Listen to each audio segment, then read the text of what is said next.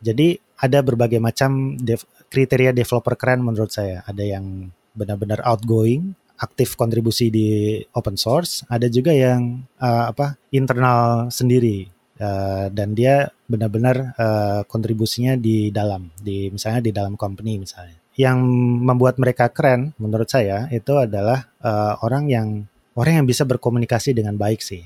Dia bisa bekerja bersama-sama dengan tim dan timnya dia itu mengerti apa yang uh, dia. Selamat datang di Ceritanya Developer, podcast yang menampilkan developer, programmer, atau engineer Indonesia inspiratif yang tersebar di seluruh dunia. Bersama saya Riza, kita akan menggali bagaimana mereka berjuang, suka dukanya dalam perjalanan karir, hingga kesalahan konyol saat ngoding. Podcast ini diproduksi oleh Deep Tech Foundation, sebuah startup non-profit yang punya misi menyetarakan talenta digital di Indonesia. Narasumber kita yang satu ini sempat membuat sebuah startup namanya Dapur Masak dan kemudian startupnya ini diakuisisi oleh startup yang lebih gede yaitu Cookpad dan sekarang narasumber kita sudah menjadi CEO dari Cookpad Digital Indonesia dan juga cukup aktif di komunitas terutama komunitas ID Ruby. Mari langsung kita ngobrol aja sama Mas Didik Wijaksono. Halo Mas Didik. Halo halo halo Mas Riza. Gimana eh, kegiatan yang paling sering dilakukan sekarang apa? Waduh. Ngegame. jadi, jadi merasa bersalah. Ngegame saya. Ngegame ya. Hari ini lagi banyak ngegame. Uh, dulu-dulunya sering streaming apa uh, kayak konten edukasi, kayak belajar belajar ngoding gitu. Okay. Cuman uh, akhir-akhir ini lagi lebih banyak gamenya sih. Hmm, lebih banyak game ya. Pengen itu dulu ya, nyantai dulu ya. Iya, kayaknya nyantainya sudah terlalu lama. Udah gitu gamenya sambil di streaming ya? Streamingnya iya, itu... gamenya sambil di streaming. Uh, abis sahur ya, abis sahur ya. Iya, uh, kebetulan dulu sebelum puasa itu sudah mulai, jadi jam 3 gitu. Cuman berhubung ini sudah apa puasa, jadi ya udah. Mundurin dikit aja. Nah, oh dari jam 3 ya? Oke, nanti kita tanya tips-tipsnya gimana caranya supaya bisa bangun jam 3 pagi ya secara konsisten. boleh, boleh. Oke, tapi sebelum itu kita mundur sedikit ya, kita rewind sedikit. Awalnya tertarik programming nih, uh, Mas Didik dari kapan dan gimana ceritanya? Oke, okay, awal tertarik programming. Uh, mungkin ngobrolin tentang kapan saya diekspos ke programming kali ya. Jadi kenal komputer itu dari SD, uh, eh, dikenalin sama teman yang baru punya komputer. Ada game Prince of Persia di situ. Jadi awalnya terutama dari game juga sih. Jadi awal-awal main bareng dari situ. Cuman apa uh, rada-rada takut juga dengan komputer itu. Kenapa? Karena takut ngerusakin aja gitu. Jadi uh, sering main game bareng sama mereka, tapi takut kalau misalkan nggak bisa uh, salah masukin perintah atau bagaimana gitu, supaya nanti ininya tahu-tahu komputernya hang. Ketika SMP, habis itu banyak uh, dapat pelajaran komputer, ya tapi pelajaran basic lah ya uh, MS DOS, terus belajar WordStar atau Lotus 123 itu tidak membuat saya tertarik dengan komputer juga sih, lebih kayak ada lebih kayak cuman untuk menyelesaikan pelajaran aja. Namun yang paling saya tertarik itu justru ketika SMA. Ketika SMA itu saya uh, lagi tertarik dengan website. Ketika SMA itu kebetulan uh, saya suka menggambar berhubung saya suka menggambar, teman saya mengasumsikan bahwa saya juga bisa merangkai gambar tersebut untuk dipublish di website. Jadi rada aneh juga gitu. Teman saya itu uh, mengassign apa memberikan saya komputer, laptop untuk mencoba-coba bikin website pada saat itu dan saya akhirnya belajar bikin ini uh, halaman statis di website. Waktu itu untuk untuk membuat website uh, angkatan kalau nggak salah. Jadi website untuk satu angkatan apa uh, sekolah di SMA. Dan dari situ uh, saya mulai banyak belajar HTML CSS. Ketika mulai uh, ngodingnya itu justru uh, pas kuliah, di mana saya uh, waktu itu lagi banyak uh, bermain sosial media. Terus kemudian waktu itu mungkin mungkin masih bisa uh, ingat dengan Friendster. Ya, dan di situ kan ada opsi di mana kita bisa mengganti kostumisasi HTML, CSS, HTML, CSS, JavaScript. JavaScript-nya. Iya iya iya. Nah dari situ tuh uh, di mana saya ngerasa enjoy banget untuk programming. Jadi ada feedback loop yang sangat pendek di situ di mana oh kita kalau kita ngedit satu kode ini terus kemudian bisa muncul berubah gitu tampilan uh, temnya di Friendster dan itu membuat saya menghabiskan waktu berjam-jam gitu untuk ngubah tampilan Friendster profile saya doang gitu. dan akhirnya itu berlanjut ketika saya uh, mulai menginjak lulusan. Saat itu saya kuliah di Presiden University di jurusan akuntansi. Uh, namun saya ngerasa bahwa ah kayaknya saya lebih cocok nih dengan web dan saya waktu itu apply untuk sebagai web designer di detik.com waktu itu. Dan ujuk-ujuk ternyata diterima gitu. Dan akhirnya sebelum kelulusan itu saya menghabiskan waktu sebagai uh, bekerja di sana. Jadi hampir aja nggak lolos uh, nggak lulus kuliah karena skripsinya keteteran. oh, jadi sebelum lulus kuliah pun udah langsung kerja gitu ya? Iya, jadi sebelum lulus kuliah itu sudah langsung bekerja di sana sambil saya bekerja sebagai web designer, sambil saya menggarap skripsi, dan dari situ saya mulai terekspos sedikit dengan programming, mulai belajar tentang PHP, di mana saya mulai tertarik untuk ngutang-atik template WordPress saat itu, dan di situ uh, mulai banyak belajar tentang programming dah dari situ. Okay. Berarti uh, ketertarikannya sebenarnya dari kuliah ya, walaupun kuliahnya di jurusan yang berbeda ya. Tapi pada saat kuliah ada dapat pelajaran komputer juga? Iya, dapat pelajaran uh, sistem apa uh, komputer dasar ya, database dasar. Terus ada pelajaran komputer tapi lebih kayak teori gitu, teori tentang apa itu komputer gitu.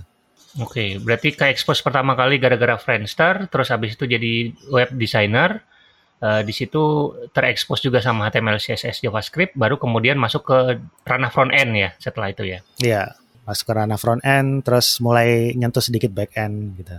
Uh, web designer juga bisa dibilang ngoding sih ya. Tapi kalau misalkan pada saat intens banget nih uh, waktu masuk front end atau pada saat PHP, itu experience belajarnya gimana sih? Mungkin bisa di-share? Ketika masuk PHP ya? Iya, masuk ke programmingnya. Kan uh, Mas Didik ini kan bisa dibilang berarti itu kan atau tidak kan belajar sendiri ya? Iya, iya. Ya, mungkin bisa di-share apa experience-nya atau prosesnya? Iya, jadi uh, saya belajar PHP itu saya masih ingat waktu itu pengen belajar framework waktu itu. Jadi saya waktu itu uh, ngelihat dokumentasi PHP kan, melihat dokumentasi PHP, PHP.NET, udah blast nggak ngerti sama sekali, terus akhirnya cari-cari tutorial. Dan di tutorial itu saya ketemu dengan website yang namanya, dulu namanya Tuts Plus, ke Envato tuh dulu ada banyak tutorial gitu. Saya masih ingat dulu yang ngasih tutorial tuh namanya Jeffrey Way. Oh, yang sekarang di Vue itu ya, Vue.js ya, kalau nggak salah ya. Iya, iya mungkin ya. Mungkin orangnya dia sama. Dia bikin sendiri ya. Nah, Laravel, Laravel. Eh, apa? Iya, pokoknya ada ada satu platform yang dibikin sendiri akhirnya. Ya, uh, jadi dulu Jeffrey Way itu bikin banyak video tutorial dan video tutorial itu pendek-pendek gitu dan saya sangat enjoy gitu untuknya uh, apa mengikutinya. Jadi saya waktu itu uh, ngikuti tutorialnya Code Igniter dengan Jeffrey Way. Uh, dari situ saya mulai sedikit demi sedikit rasa takut saya akan back end atau PHP itu mulai uh, melunak gitu. Jadi saya sudah mulai bisa ngikutin satu persatu langkahnya, terus uh, setiap kali uh, apa satu episode selesai, terus kemudian di review dan kemudian oh ternyata saya bisa melakukan hal ini gitu. Dari situ saya mulai belajar mm, back end secara full dan dari situ juga saya mulai ngerti bahwa oh ternyata untuk mendeploy aplikasi website itu untuk PHP aja saya kayaknya belum ini belum cukup gitu. Jadi saya harus belajar juga tentang Linux gitu. Gimana cara deploy servernya nanti di server sendiri, misalnya di VPS. Uh, keterbatasan dari hosting, uh, share hosting itu seperti apa. Itu saya juga akhirnya belajar juga dari situ. Oke, tadi sempat di-share uh, ada ketakutan. Takut apa sih sama backend? Iya, jadi dulu tuh takut banget sama backend itu kenapa? Karena saya ngerasa ada kayak apa ada kayak sesuatu yang saya nggak bisa jelasin gitu. Kalau misalkan saya ngedit uh, eh, HTML, ngedit satu kata sedikit kan langsung muncul string gitu kan. Nah, itu ada feedback yang cepat itu itu saya merasa aman. Jadi saya ngerti uh, apa yang saya ganti itu langsung di-apply seperti itu. Tapi kalau misalkan back end ngedit satu sedikit salah, syntax error aja salah, itu langsung kemudian muncul error message yang banyak banget dan itu saya ngerasa intimidatif banget. Ini apa yang salah ya, apa yang saya lakukan gitu. Kenapa ini bisa begini gitu. Saya takut waktu itu adalah karena saya nggak bisa baca error message. Jadi saya nggak tahu harus mana error message yang benar-benar relevan yang saya bisa googling saat itu. Jadi saya bisa tahu gimana cara resolve-nya. Jadi gitu. Jadi awal-awal saya takut backend itu adalah karena ada banyak hal yang bisa rusak atau uh, error dibandingkan dengan front end. Di mana front end itu kan kalau rusak kan, oh halaman websitenya masih kelihatan, tapi paling cuma ada merah-merah doang di inspect element kan. Hmm, iya nih, kayaknya ada uh, beberapa orang yang saya temui juga mengalami itu ya ketakutan yang sama ya, kayak ketemu error takut gitu ya. Akhirnya gimana cara mengatasi ketakutan itu? Apa yang membuat Mas Didik jadi nggak takut lagi setelah nonton video si Jeffrey Way ini? Nah, video Jeffrey Way itu adalah dia ngasih tahu bahwa oh ini nanti ketika dia melakukan melakukan sesuatu di videonya terus kemudian ada error di situ dia langsung ngasih tahu oh error ya oh oke okay. jadi ini cara bacanya ya seperti ini jadi uh, kalian tidak harus takut dengan error ini terus kemudian uh, ini artinya adalah kalian harus melakukan seperti ini jadi cara pembawaannya dia di videonya itu membuat saya ngerasa oh oke okay. jadi uh, nggak perlu takut itu bukan kesalahan kamu tapi itu adalah apa memang frameworknya aja yang seperti itu atau bahasanya aja yang seperti itu. Jadi itu yang saya pelajarin uh, dan membuat saya ngerasa oh ternyata untuk belajar pemrograman itu emang harus bisa baca dengan teliti dan tidak takut dulu untuk mencoba. Hmm, gitu. Jadi pesan error itu bukan untuk uh, menakut-nakuti tapi justru untuk dipahami ya, untuk dibaca dan dipahami ya. Iya. Yeah. Oke. Okay. Iya yeah, betul. Oke, okay. kalau mentok harusnya pernah dong ngerasa mentok pada saat ngoding atau develop sesuatu. Oh iya, sering itu, banget. ketika mentok itu uh, solusinya gimana? Cara mengatasinya biasanya ngapain? Atau ada ritual-ritual tertentu kah? Atau apa yang dilakukan? Ada ke, apa kegiatan tertentu? Iya, uh, sering banget justru. Mentok itu justru jadi makanan sehari-hari sih. Sekarang juga masih sering terjadi. Uh, bahkan juga ketika saya mentok pun saya sampai apa sempat bertanya-tanya pada diri sendiri ini saya benar cocok nggak sih di programming kayak gitu-gitu. Padahal sudah bertahun-tahun di programming.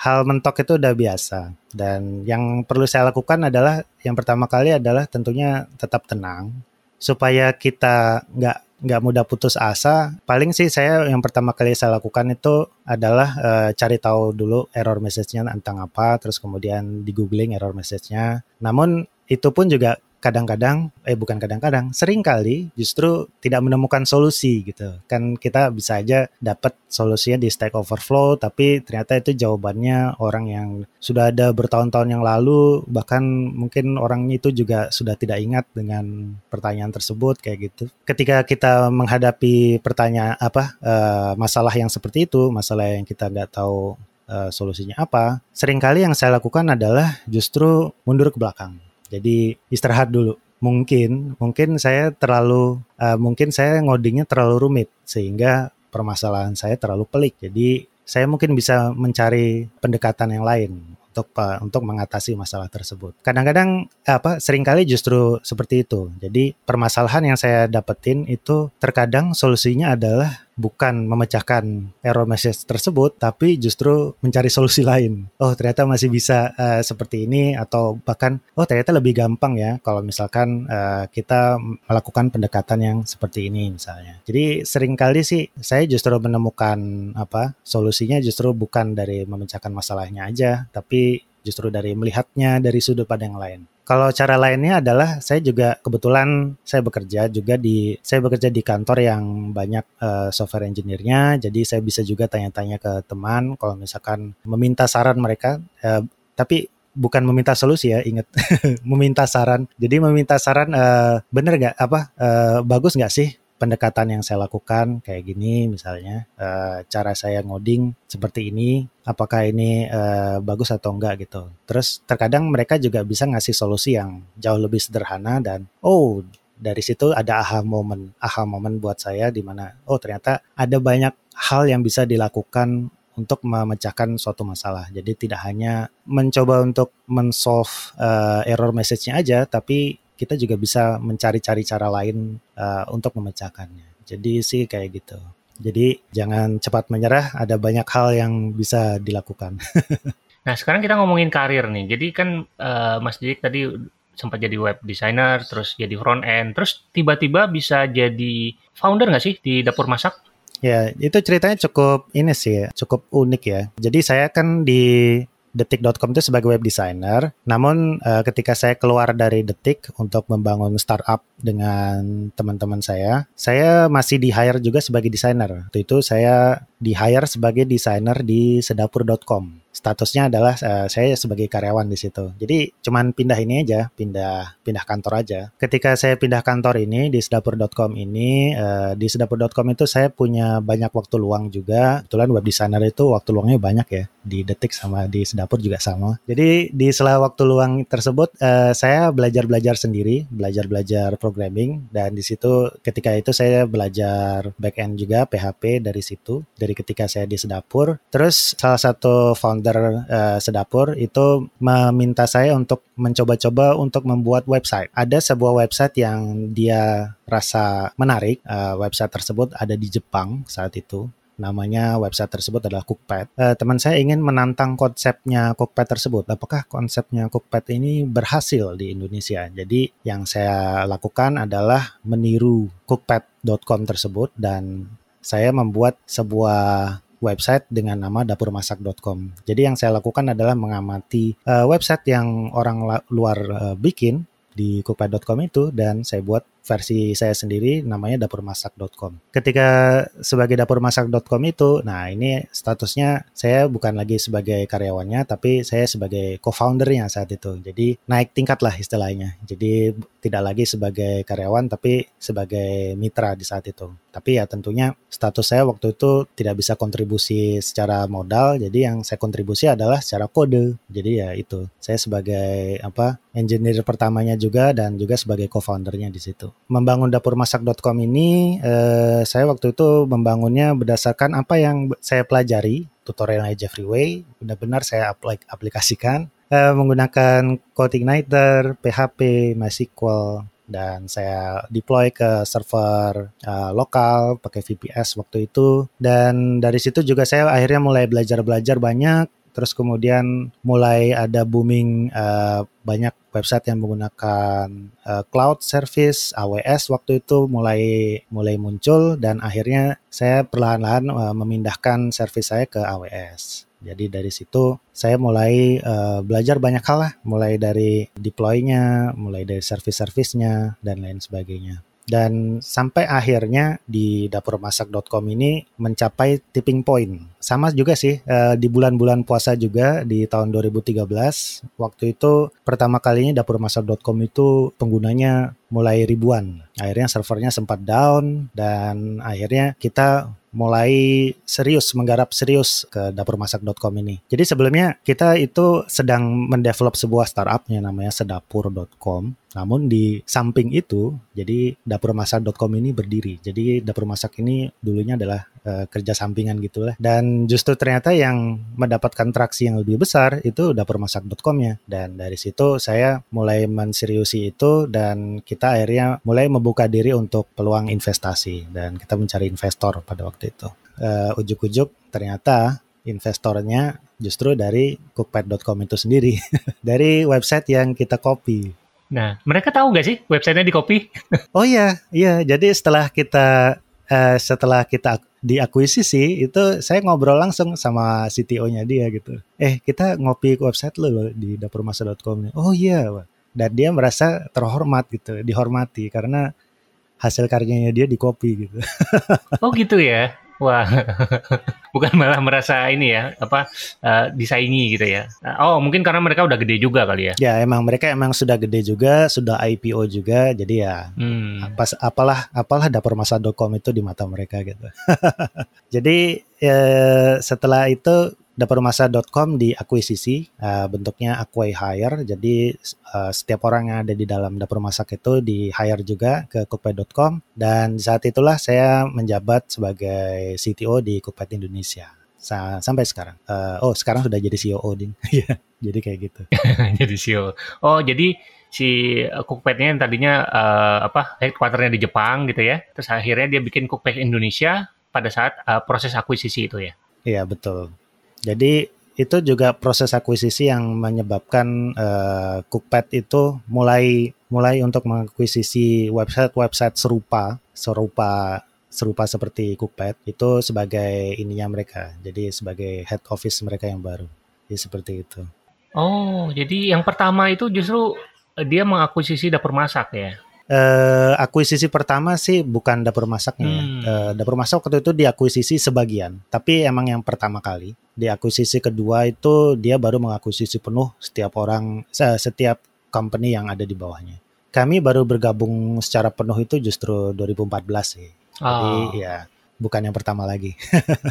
Kalau momen atau kontribusi yang membanggakan selama jadi developer? Kontribusinya sih lebih ke internal ya sebagai developer. Ya tentunya ketika saya bikin dapurmasak.com itu sendiri seorang diri juga itu adalah salah satu yang paling membanggakan buat saya tapi juga selain itu di di Cookpad Indonesia juga saya juga memulai atau memulai banyak inisiatif juga dan di situ juga ada banyak sih sistem yang saya mulai juga yang sampai saat ini masih dipakai dan itu juga itu juga sangat membanggakan sih buat saya. Sayangnya itu internal jadi saya nggak bisa cerita banyak. Oke, okay, kalau gitu momen yang memalukan ada yang bisa diceritakan nggak? Nah, memalukan Oh banyak banget. Banyak.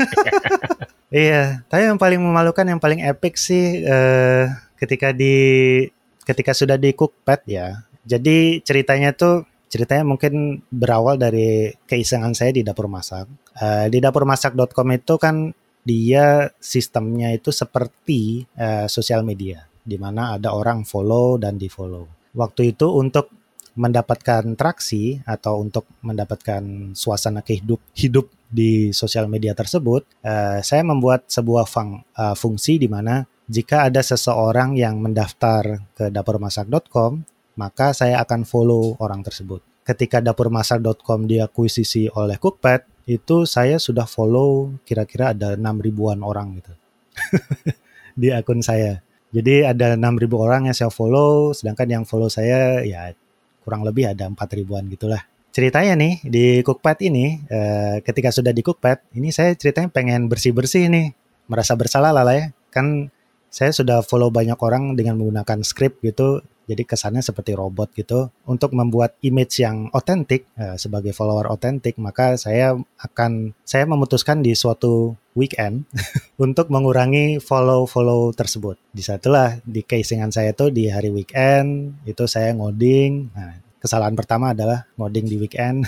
Terus yang kedua, uh, saya membuat sebuah script untuk menghapus uh, follow tersebut. Ketika itu script yang sudah saya buat, terus kemudian saya deploy dan kemudian saya jalankanlah script tersebut. Ketika script tersebut di jalan, tiba-tiba apa uh, websitenya ngehang. Kenapa ya bisa ngehang ya? Setelah ditelusuri oleh SRI-nya, SRI-nya bilang, ini kenapa ada proses database yang gede banget ya? Waduh, oh oke, okay. ini kenapa ini? Kenapa bisa terjadi? Terus kemudian sebelum saya ketangkap ya, mending ngaku aja deh gitu. Uh, saya lagi jalanin skrip ini nih, uh, ngefek nggak ya? Oh. Sudah ngerasa bersalah, uh, langsung pura-pura bodoh gitu. Ngefek nggak ya? Oh, terus yang mana skripnya? Coba dilihat. Oh ini bukan ngedelete uh, followingnya, tapi ini ngedelete user yang lagi di follow gitu. Waduh. Oke. Okay. Jadi salah salah kondisi. Yang saya ya? lakukan adalah bukannya mendelete relationship followingnya, mm-hmm. salah kondisinya, tapi saya mendelete orang yang saya follow gitu. Waduh. Usernya yang di, di delete ya? iya, user yang di delete. Hmm, Untungnya okay. script yang saya lakukan ini itu dienkapsulasi oleh transaction. Wah, jadi saya sangat bersyukur sekali dengan RDBMS ada namanya transaction. Bisa di rollback gitu ya? Bisa di rollback. Jadi yang perlu saya lakukan adalah cuman stop eksekusi dari script tersebut stop eksekusi tek langsung kemudian library-nya merollback secara otomatis. Oh. Alhamdulillahirobbilalamin. Selamat banget. Terus jadi websitenya jalan lagi dan langsung deh pelajaran penting yang buat bagi saya itu adalah yang pertama jangan ngoding di weekend, yang kedua jangan deploy di weekend juga. jangan ngoding kerjaan di weekend ya. Iya, jangan ngoding kerjaan di weekend. Benar-benar deh. Jadi kayak hmm. gitu. Eh, tapi itu kalau uh, seandainya skripnya sampai selesai, nggak Mhm. bisa rollback dong. Nggak bisa. eh, Untungnya belum Masih- selesai ya. untungnya belum selesai. Nggak bisa di rollback, Oke. tapi tentunya ada backup database ya. Tapi backup Hmm. database ya berapa lama sih paling Ada yang hilang beberapa pasti ya. ada yang hilang lah saat hari Pasti sekali itu. Jadi ya seperti itu. Wah, epic juga ya. Hampir, hampir epic, hampir. Hampir epic. Oke, nah menarik sekali. Oke, eh, kalau boleh di-share nih, eh, Mas Didik sekarang lagi terlibat atau sedang mengerjakan proyek apa di Cookpad?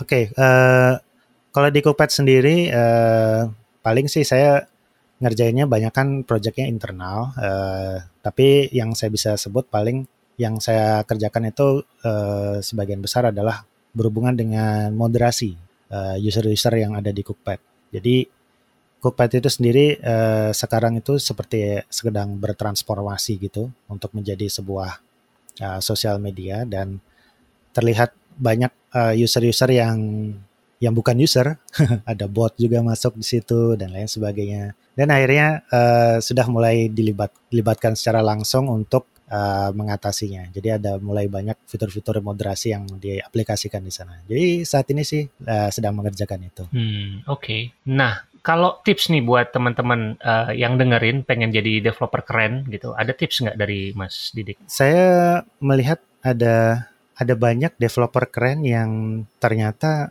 itu tidak tampil di muka. Yang saya alami di seperti halnya di Cookpad ya. Eh, ada banyak sekali developer developer yang saya anggap sangat keren banget, tapi mereka itu di publik itu eh, tidak kelihatan.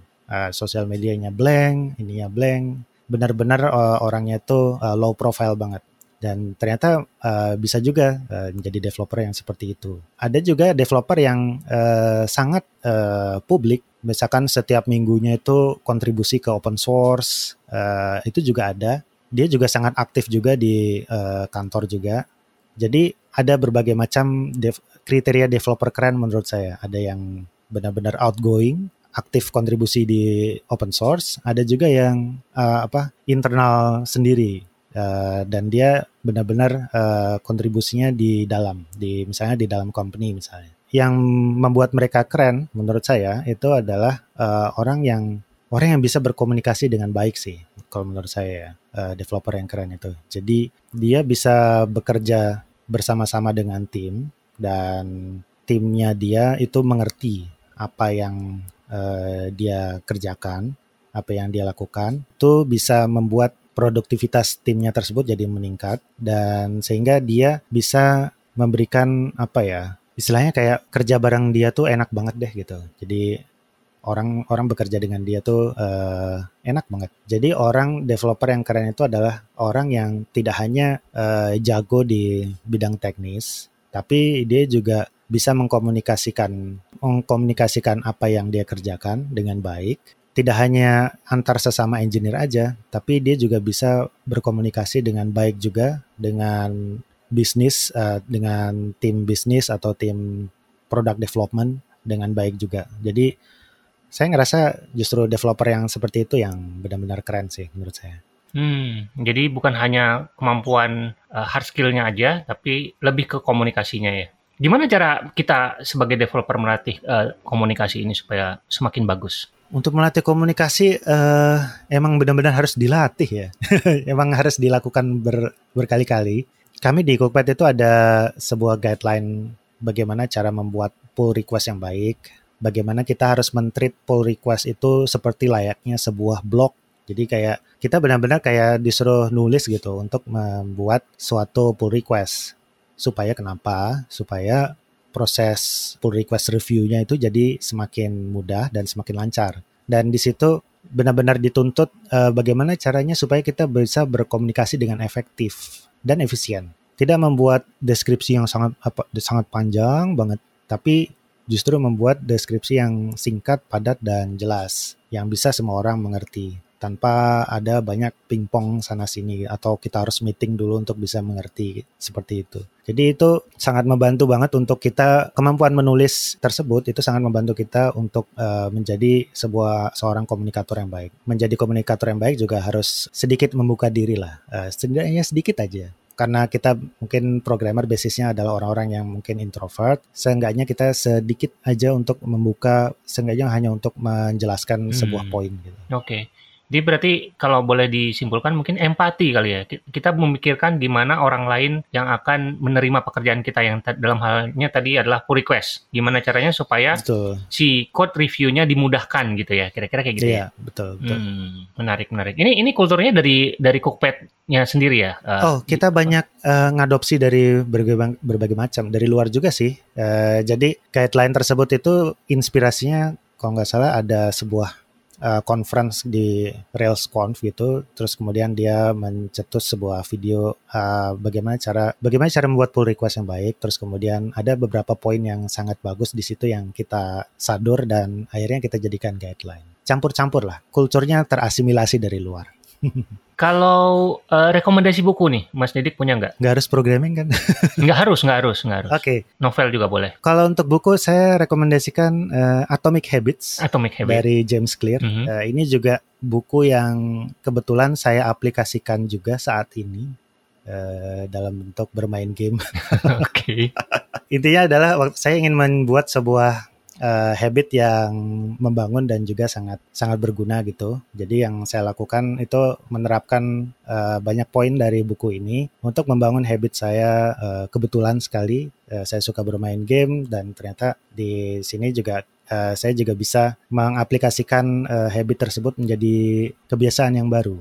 Buku ini buku ini bagus bagi teman-teman yang ingin menerapkan sebuah kebiasaan baru ke dalam hidup kita tanpa kita harus diingatkan. Kalau kebanyakan uh, software apa ya productivity itu kan untuk misalnya nge-track habit itu biasanya kan seperti itu kan. Uh, apakah kamu sudah melakukan ini, kamu sudah melakukan itu, maka uh, biasanya kan seperti itu. Tapi di buku ini adalah kita dituntut untuk mencari sebuah kebiasaan apa yang biasanya kamu lakukan sekarang, terus kamu ingin tambahkan sesuatu di oh, dalamnya. Jadi men-trigger ya, trigger ya. Men-trigger, hmm. betul. Jadi yang saya lakukan adalah kalau misalkan saya ingin bangun jam 3, maka saya harus tidur jam 8. Jadi triggernya adalah uh, dari situ dan rewardnya apa? Ketika saya bisa tidur jam 8, maka saya bisa bermain game jam 3. Jadi seperti itu. Oke. Okay. Oh. oh iya. Jadi kuncinya itu yeah. ya apa dan itu dilakukan secara konsisten. Ya, yeah, itu dilakukan konsisten hmm. setiap hari. Jadi kalau misalkan kamu tidak melakukan satu kali pun akan ada sesuatu yang hilang dari situ dan kamu juga hmm. merasakannya dan akan berusaha untuk kembali lagi ke habit tersebut. Oke, okay. pertanyaan saya adalah gimana caranya bisa tidur jam 8?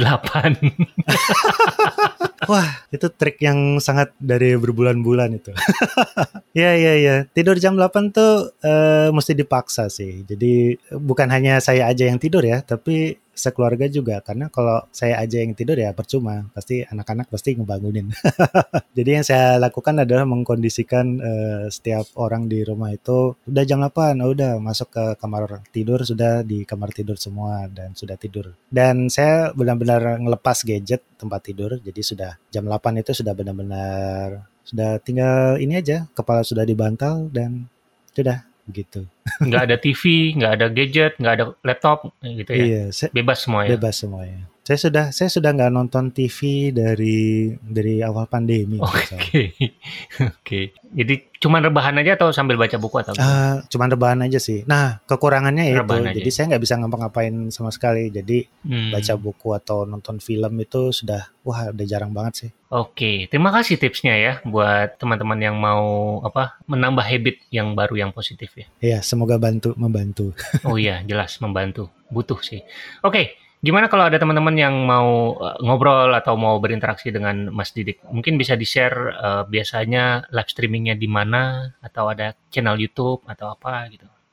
Oke, saya biasa live streaming di YouTube uh, dengan channel nama channel di atas gudang dan saya bisa dihubungi di Twitter di @did did1k @did1k. Uh, Instagram saya juga di situ. Uh, LinkedIn saya jarang buka sih, tapi LinkedIn sama Facebook namanya Dede Wicaksono. Jadi sama. Mungkin bisa di-share juga ini apa Mas Didi kan uh, ngejalanin uh, newsletter ya, newsletter. Oh iya betul. Gimana kalau ada teman-teman yang mau daftar? Ya, uh, saya juga mengelola newsletter. Uh, sebenarnya newsletter otomatis sih. Uh, newsletter yang namanya Teknologi ya. Jadi newsletter ini meng mengcompile semua konten yang ada di berbagai sumber, misalnya YouTube atau blog atau podcast. Jadi kalau misalkan teman-teman punya konten teknologi uh, dengan bahasa Indonesia, uh, silakan hubungi saya di Twitter. Nanti akan saya tambahkan uh, video kalian, podcast kalian atau blog kalian. Itu saya bisa tambahkan di teknologi ya dan nanti teknologi akan mengcompile semuanya. Yang terbaru akan muncul di setiap hari Senin jam 9 pagi. Hmm, akan dikirimkan email setiap hari Senin jam 9 ya. Jadi kalau buat teman-teman yang punya konten bisa kontak Mas Didik. Teman-teman yang bingung mau nonton konten apa bisa berlangganan newsletternya ya. Iya, betul sekali. Ini termasuk semua podcast ini juga masuk. Oke, ya biasanya muncul sih. podcast YouTube terus uh, dari Deep Tech juga ada beberapa ya. ya. OKR, OKR ya. dan lain sebagainya. Oke deh kalau gitu. Terima kasih banyak Mas Didik atas waktu dan ceritanya. Ya, terima kasih juga Mas Riza atas ya, akhirnya bisa ngobrol-ngobrol lagi kita. Uh, sukses terus untuk karir dan kehidupannya. Terima kasih. Kritik dan saran bisa dilayangkan ke rizafahmi at gmail.com atau mention lewat Instagram deeptech.id dengan hashtag ceritanya developer. Jangan lupa support podcast ini dengan berdonasi lewat karyakarsa.com slash rizafahmi atau beli merchandise ceritanya developer di www.ciptaloka.com slash plus Riza Fahmi. Sampai jumpa lagi di episode berikutnya. Bye!